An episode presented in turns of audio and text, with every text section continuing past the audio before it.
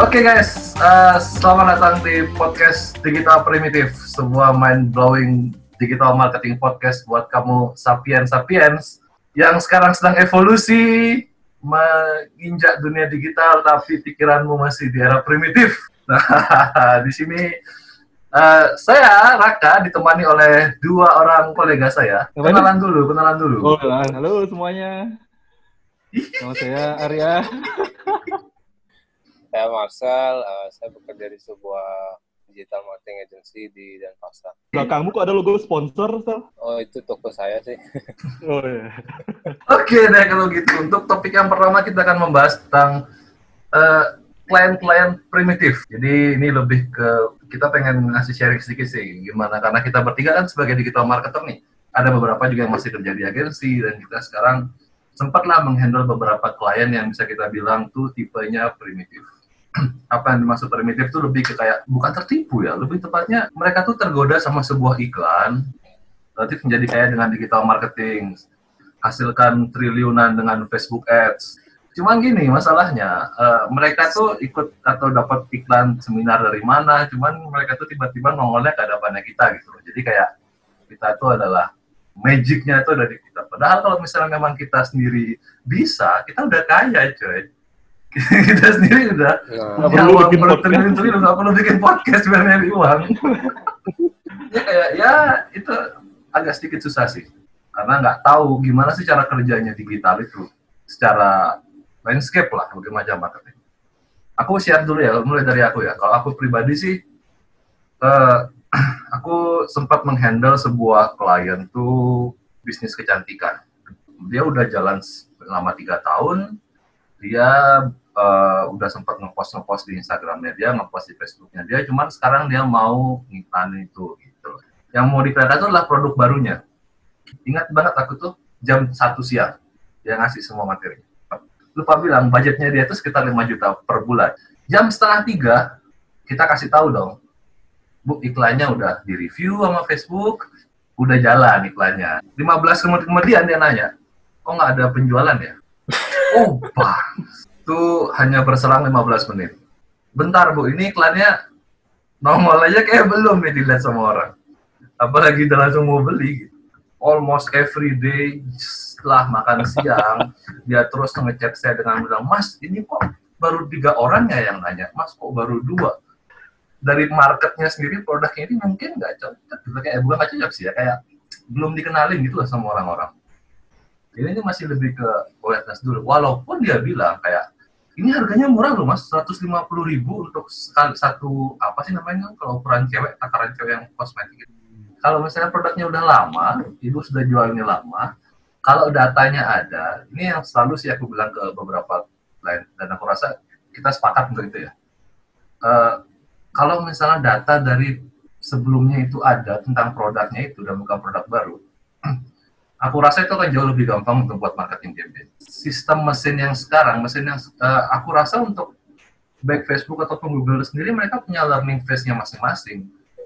Kembali lagi mereka itu bisnis, coy kan. Baik Google atau Facebook itu mereka sendiri juga bisnis. Mereka mau duit. Google dapatnya dari klik, Facebook rata-rata dapatnya dari impression. Kalau misalnya nggak ada orang yang dikasih lihat iklannya, kalau nggak ada orang yang klik, ya mereka nggak akan dapat duit kan. Maksudku untuk digital marketing sendiri bukan hal yang bisa langsung didapat resultnya itu dengan cepat. Semua orang sendiri pun aku rasa punya caranya tertentu lah untuk akhirnya ngebuat uh, campaign yang bagus, terutama data sih. Kalau misalnya dari monggo Marcel sama Arya ada yang mau sharing juga, siapa duluan nih? Arya Lu ditanggapi apa deh? Ya, senior, Bebas, ini ditanggapi sekalian langsung gitu hati. Oh. Gimana sih mau tanggapi tuh? Eh, Marcel kayak punya pendapat. Uh, tapi itu sebelumnya Om Raka gini nggak kayak ngasih expectation dulu nggak ke dia?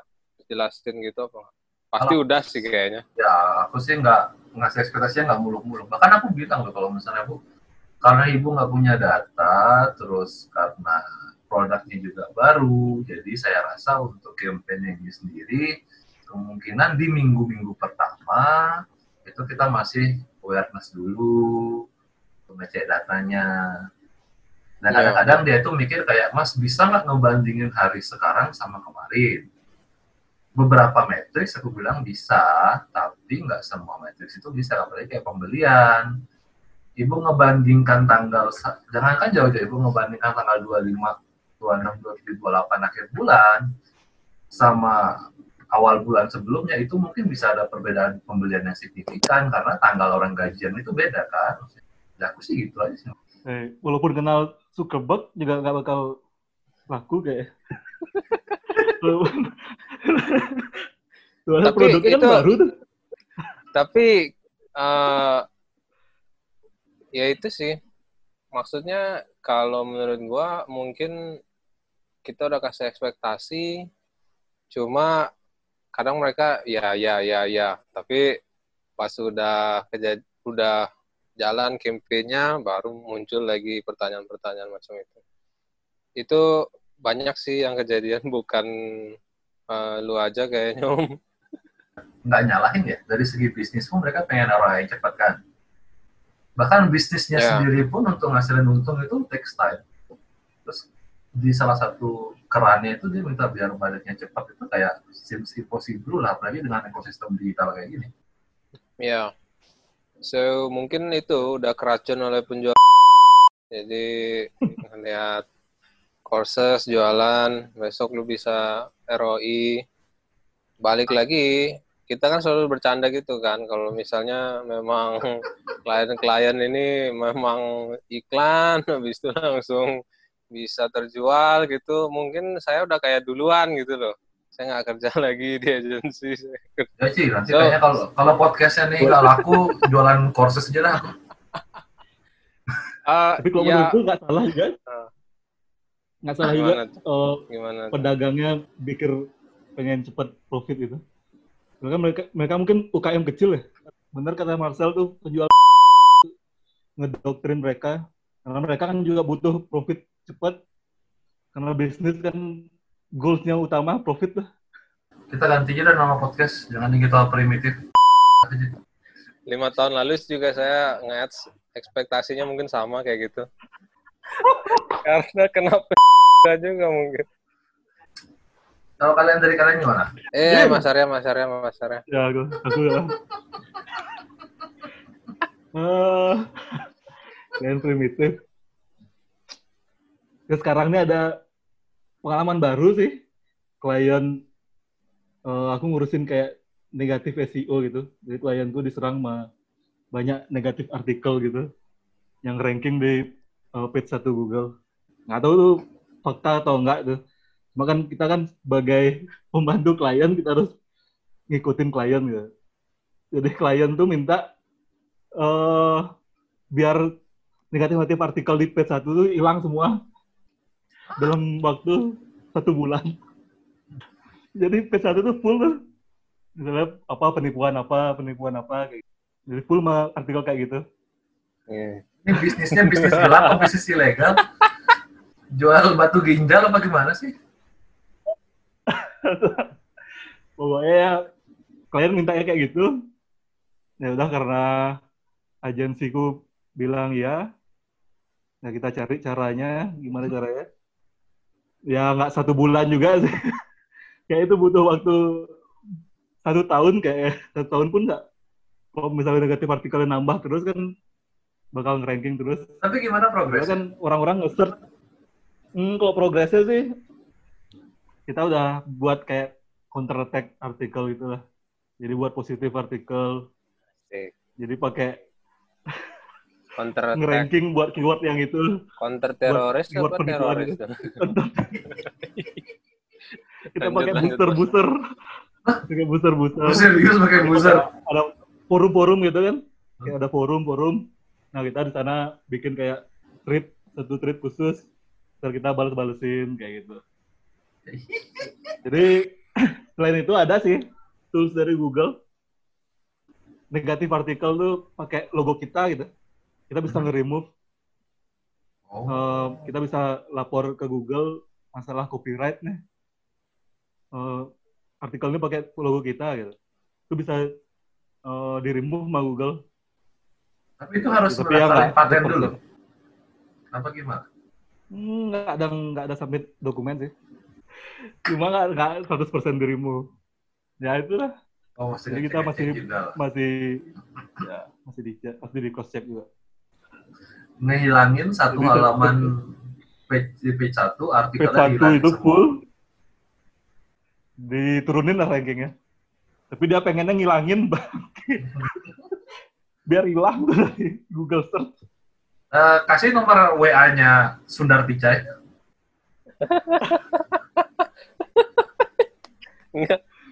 Pakai Google Hangout ya. Nggak pakai produk tetangga dia.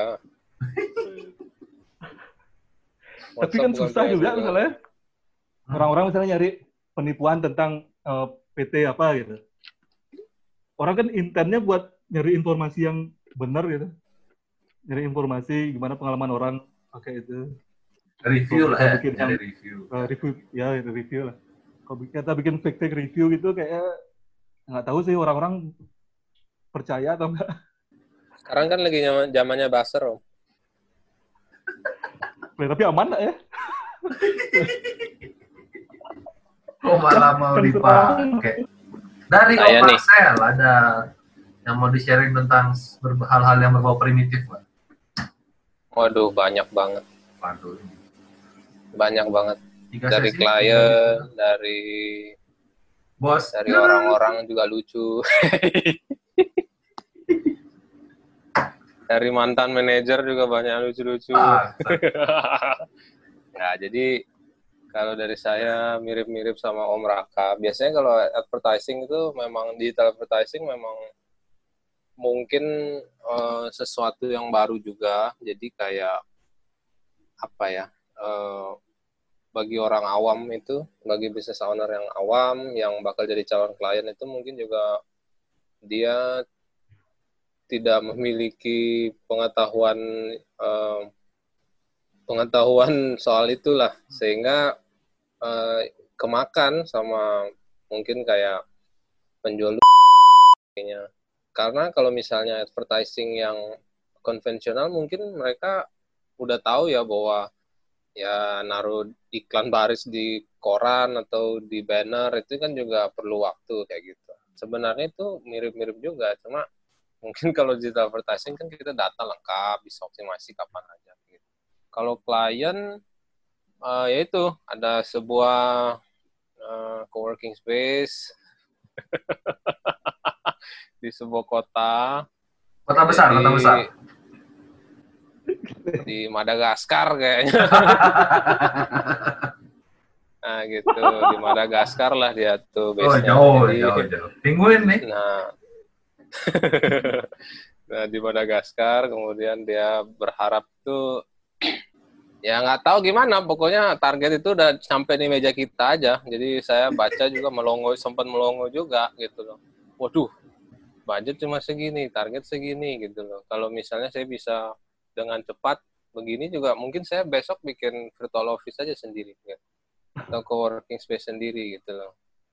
Eh, saya juga jadi free financial mungkin kalau begitu kan. Nah, itu saya pernah bilang itu teman-teman. Nah, eh, singkat cerita, memang kan mikir kan gimana nih caranya ini. Singkat cerita, target itu tercapai sebenarnya, tapi eh, itu micro conversion gitu micro conversionnya tercapai segitu. Micro conversion kan itu klik button ini, kemudian submit form ini, klik button call, itu tercapai. Memang kalau di total semua segitu. Cuma kan kita tidak bertanggung jawab apakah kalau misalnya orang udah submit form atau call, itu bakal convert. Karena itu kan, ya itu urusan lu kan gitu. Karena Hmm. kita kan ya memang fungsinya kita nyari leads, nyari kita memang cuma sampai di funnel itu aja. Setelah itu ya itu urusannya lu sebagai klien. Gitu. Hmm. Eh, nah itu juga mungkin bisa jadi eh, bakal dorong-dorongan. Maksudnya dari kitanya juga bilang ya ini gue udah perform, ini buktinya micro conversionnya udah nyampe. Tapi dari dianya juga pasti bilang eh, kualitasnya nggak bagus atau gini-gini. Nah itulah jadi eh, itu dilema juga di sana. Itu drama yang terjadi lah pasti. Eh, karena digital advertising kan dia punya eh, variabel banyak kayak kita tahu. Cuma eh, kalau dari kita udah berusaha, Tapi dari klien misalnya landing page-nya mungkin website tahun zaman 90-an kayak gitu. Ya itu susah lah, lu mau bagus segimanapun di ads-nya, tapi kalau misalnya di convert kita udah bawa ke landing page zaman tahun 90-an, ya udah susah tuh. Apalagi kita ngetes beli produk setahun nggak kekirim produknya. Itu yang tadi gue juga tambahin. Jadi uh, pasti masing-masing dari kita dan gue juga tahu uh, ada case-case yang kita berhasil, ada juga yang nggak berhasil. Itu udah pasti lah. Pasti. Dan yang ber, yang berhasil kalau gue pribadi bangga. Jadi gue kayak oh ya gue bisa contribute dan memang hasilnya benar-benar solid ya. Jadi memang dikasih target segini dan itu juga nggak mudah menurut gue. Tapi dari kerja kita pribadi dan tim akhirnya berhasil uh, hit the goal. Itu bangga pasti bangga. Tapi kalau misalnya uh, yang dibilang nggak berhasil ya banyak juga karena variabel kan banyak gitu. So gitu. Nah untuk penjual mungkin mereka memberikan ini ya memberikan ekspektasi yang terlalu uh, tinggi bagi itu karena mereka pada ya clickbait. Pada ujungnya memang jualan coursesnya mereka atau gimana dan sebagainya. Nah, uh, itu pun kalau diperhatikan cara-cara mereka cara cara-cara yang mereka ajarkan di coursesnya mereka itu belum tentu applicable untuk semua uh, industri. Karena saya juga korban juga. Saya 5 4 tahun lalu I'm proud to say ya gue juga ikut banyak courses ada yang beneran memang master, practitioner, ada juga yang memang mungkin dia baca-baca dikit langsung buat courses kayak gitu-gitulah. Nah, menurut gua ya itu mereka ada beberapa sebagian besar kalau yang penjual udah ya dia ajarin orang caranya buat uh, memarketingkan produk-produk itu macam courses yang di mana mereka lakukan gitu kan dan itu menurutku kalau aku aplik apply ke misalnya uh, dulu gue punya usaha gue mau marketingin jual sepatu gitu itu sama sekali beda gitu. Karena nggak perlu landing page panjang-panjang untuk ngejelasin kayak gitu kemudian button-button ini lalu kemudian uh, time constraint. Kalau mereka kan mainnya gitu kan time constraint lalu dihitung ada diskon berakhir gini. Padahal itu sampai setahun ke depan diskon juga mungkin nggak berakhir gitu itu mainan-mainannya mereka lah gitu.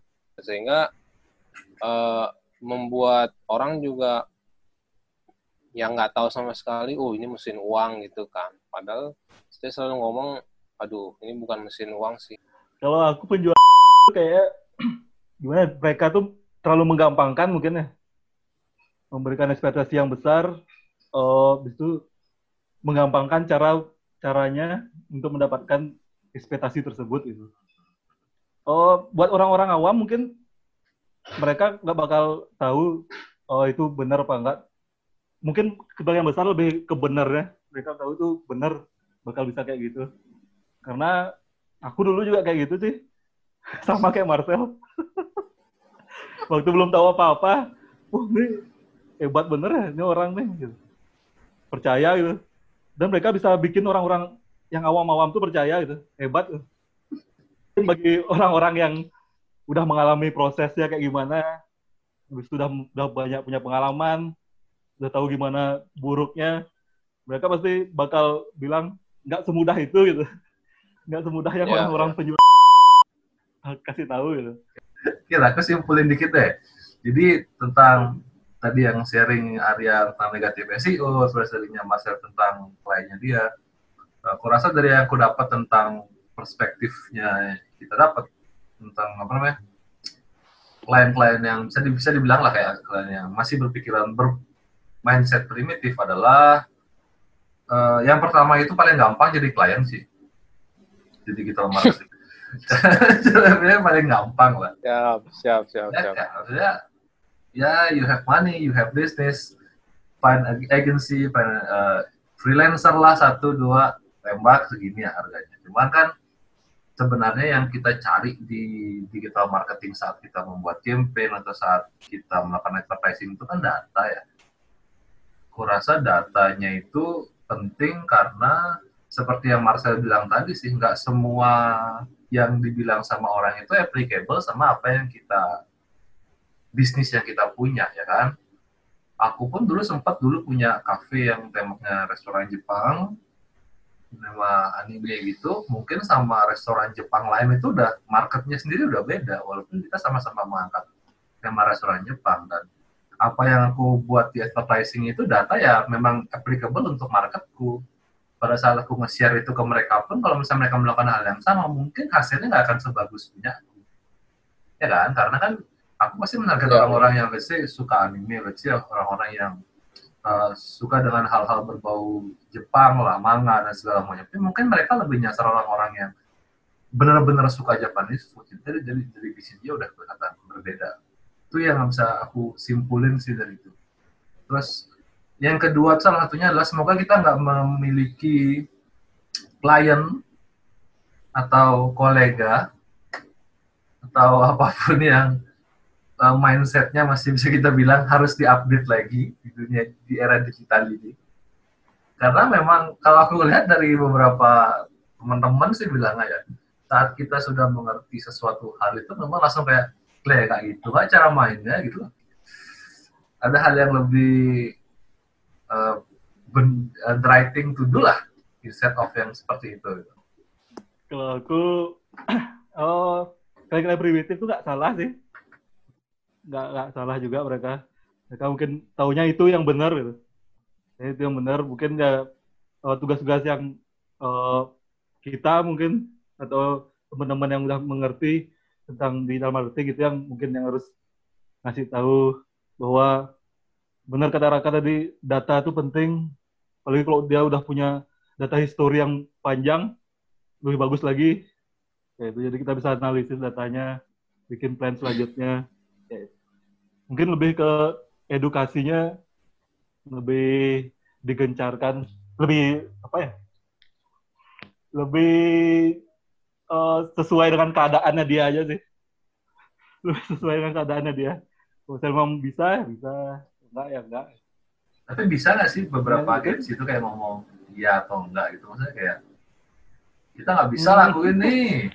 Datamu sedikit kali loh tapi satu sisi mereka juga butuh duit kan? Maksudnya kayak Ya kan? Bisnis butuh duit semua. Butuh duit dan agensi sendiri pun butuh Bahkan duit. kita juga butuh duit. Kita, juga kita lakuin duit. juga.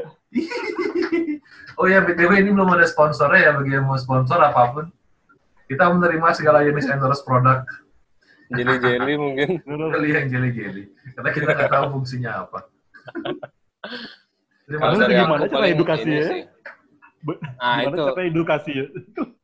aku ya paling kalau aku gini, aku juga mikir uh, paling harus ada set target, set. Saya udah sering ngomong, uh, harus manage ekspektasi di awal kan gitu. Jadi uh, at least you kasih briefing atau kasih understatement bahwa uh, ya jangan jangan pernah menjanjikan sesuatu yang lebay gitu kan. Memang kalau mau pitching ke klien ya pitching lah dengan bijak gitu kan.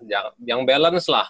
Jadi jangan lebay tapi juga uh, jangan sampai bilang uh, kita kalau misalnya nggak menjanjikan sesuatu juga ya gimana caranya mau oke okay gitu kan klien mau on board. Tapi uh, be wise about it aja. Jadi jangan sampai janji-janji kita yang terlalu lebay itu bisa jadi bumerang nanti waktu campaign itu sudah berjalan gitu sih. Dan memang memanage ekspektasi itu yaitu bilang understatement di depan bahwa uh, digital marketing ini seperti ini dan uh, mungkin bisa ceritakan kasus juga macam uh, ya itu udah biasa lah campaign tuh awal-awal seminggu dua minggu tuh perlu waktu untuk melihat data dan sebagainya. Nah, baru kita bisa optimasi itu minggu ketiga, minggu keempat, dan seterusnya baru bisa melihat hasil kayak gitu-gitu aja sih mungkin menurutku dan itu perannya biasanya kalau di agensi ya itu uh, ada ininya kan sales and account itu juga harus di, kita harus sering komunikasi dengan mereka jadi sehingga uh, itu be wise about it dah waktu pitching sebenarnya dan juga nanti along the way itu ya harus spend some time itu kalau mau email, WhatsApp atau call itu ya udah itu resiko sih. Ya itu sebagian occupational hazard itu. Bagian dari pekerjaan sih itu. Apa? Pengalaman mungkin makin banyak pengalaman yeah. bakal bikin kita bisa ya. Kalau dari mereka kan lebih ke pilihan aja kan, mau learn the easy way atau hard ways kan. Ada belah teman-temanku yang bilang kayak kalau misalnya emang uh, bulan pertama kamu nggak punya data ya kita bulan pertama habisin tuh data aja. Ya, kalau misalnya enggak ya memang nggak susah sih ya mungkin dari sisi klien juga karena kan kebanyakan ya duit juga ngomong aja. Oke, itu ada kesimpulan lain? sebelum kita masuk ke topik ya sebelum kita ngebahas tentang beberapa berita dan akhirnya kita caw. Oke, siapa dulu nih yang mau ngobrolin beritanya terus kita kita komentarin lah. Baru ini udah gini algoritma update ya. Ini tanggal 18 Juni. Ada ada Google algoritma update untuk tang bulan Juni. Bulan Juni, 18 Juni. Waduh, waduh Beberapa klienku yang kena sih. Ada yang turun tanggal uh, eh, 18 tuh. Bener-bener turun, nah, tajam. Start turun sih, 18. 18, 19 tuh. Tapi bisa naik lagi. Jadi kayak jadi kayak minor minor change gitu ya, nggak terlalu besar. Belum belum tahu. Google kan biasa kayak gitu, nakal. Dia itu kayak waktu dia Google tuh update algoritma kayak error-error kayak gimana ya? kayak misalnya nih aku lagi buat algoritma nih kayak Google terus aku buat terus tiba-tiba aku ada salah error gitu lah. Klaim daripada aku cari tahu di mana salahnya tak kontrol Z aja balik semua ke awal lagi. Jadinya algoritma tuh kayak jut gitu lah itu gitu gak sih?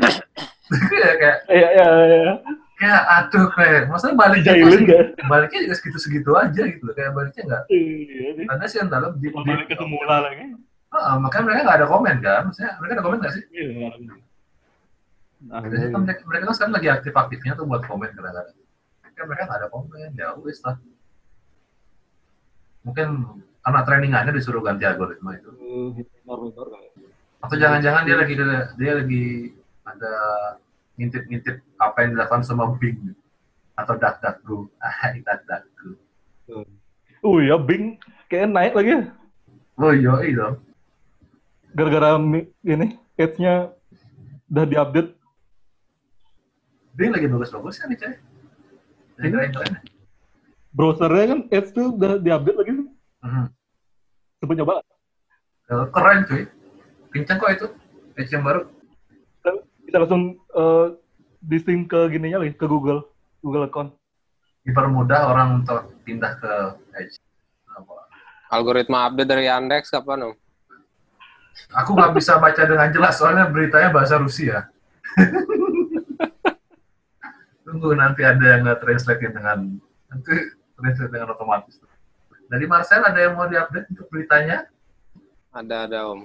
Jadi per Juni tanggal 10 itu uh-huh. Facebook bikin announcement bahwa mereka uh, bisa running advertising lagi di Facebook Ads, uh, Facebook Facebook IG Ads, uh, memarketingkan non-surgical face mask. Jadi oh. masker-masker kain kayak gitu-gitu Dulunya bisa sebelumnya belum bisa ya? Sebelumnya nggak bisa. Jadi per Maret 2020 itu sempat di ban lah. Sempat di ban waktu pandemik angkanya lagi naik-naik itu karena kan menghindari uh, nanti orang stok surgical mask itu terlalu banyak untuk keperluan komersil hmm. kan dan di mana nanti tenaga medis malah nggak bisa dapat kayak gitu. Jadi tapi karena uh, dari berbagai macam WHO seperti WHO kemudian pemerintah juga udah menganjurkan bahwa uh, masker kain atau non surgical mask itu bisa dipakai untuk menghindari rantai pandemik itu ya itu boleh lagi. Jadi kalau misalnya lu punya bisnis atau jualan soal non surgical mask bisa di advertise lagi. Itu masih tinggi nggak demandnya? Tapi kalau menurut gua kalau non surgical mask itu bakal bakal jadi bagian dari masa depan kita sih.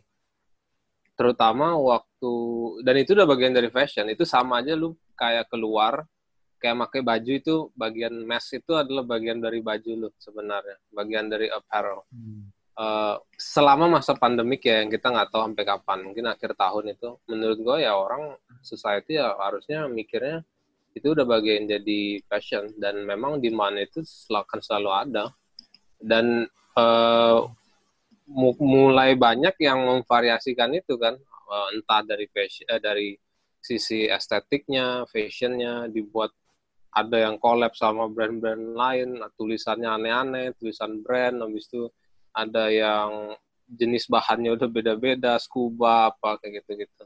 Ya. Bisa jadi peluang gitu. bisnis tuh.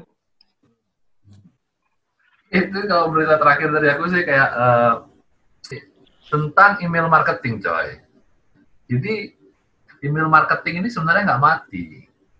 Kalau ngelihat sumbernya dari optinmonster.com.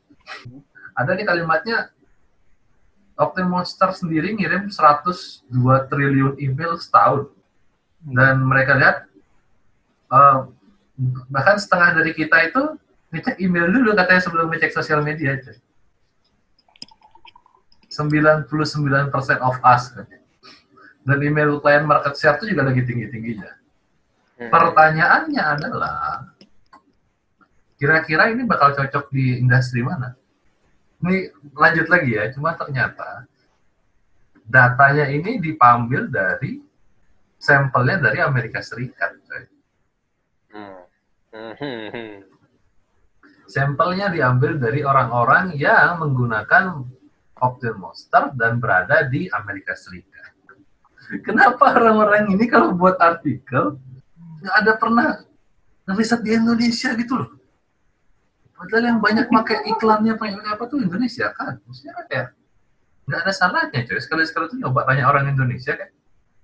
Kira-kira orang Indonesia ini 99% malah kebalikannya. Kalau saya buka Facebook dulu baru buka email. Email dibuka kalau ada email gaji oh masuk. ya kalau ada gaji. kalau gajinya di email. Email tugas. Dua gaji tugas satu SP gitu. aku sih pengen nggak yang pesan yang pengen aku sampaikan lah hati-hati sama data ya maksudku. Nggak semua data yang ada di internet itu bisa dipercaya gitu loh. Kalau misalnya emang kita pengen nyari-nyari data tentang artikel atau nyari artikel tentang data atau hal-hal lainnya itu pastiin tahu dulu gimana caranya mereka ngambil sampling lah untuk datanya itu.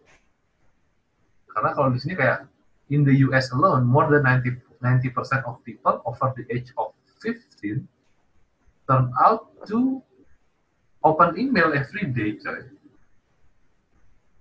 Jadi kayak 99% dari kita semua. Jadi kayak dia udah nge-statement kayak gitu, cuma kayak gak cocok lah di kita. Iya, yeah, iya. Yeah. Kalau dari aku sih, ini ya sekedar tips juga sih berita sama tips pun jangan percaya deh kayak gini. Coba dilihat dulu, dilihat dulu marketnya apa enggak, lihat dulu cocok apa enggak sama yang target ini. Selain karena ada clickbait yang bisa kayak cepat, slip gaji dan lain-lain, pada kondisi apa kalian ngebuka email tuh fast? Kalau aku sih pas lagi lagi habis ngelamar ya, terus nunggu balasannya nih. Terus aku bakal ngecek email tiap hari tuh. Tiap jam malah. Nyampe nggak sih? Nyampe nggak sih? Kalau dari aku ya Om ya, uh, open rate emailku kan push notification di email. Yang aku benar-benar buka tuh tiga uh, relevansinya, headline-nya sama uh, siapa yang ngirim gitu. Jadi kalau ketiga itu memang cocok di gua, oh ada gua langsung buka. Kalau nggak swipe udah. Kayak pernah buka email nggak ya? Apa udah di kubur dulu sementara emailnya?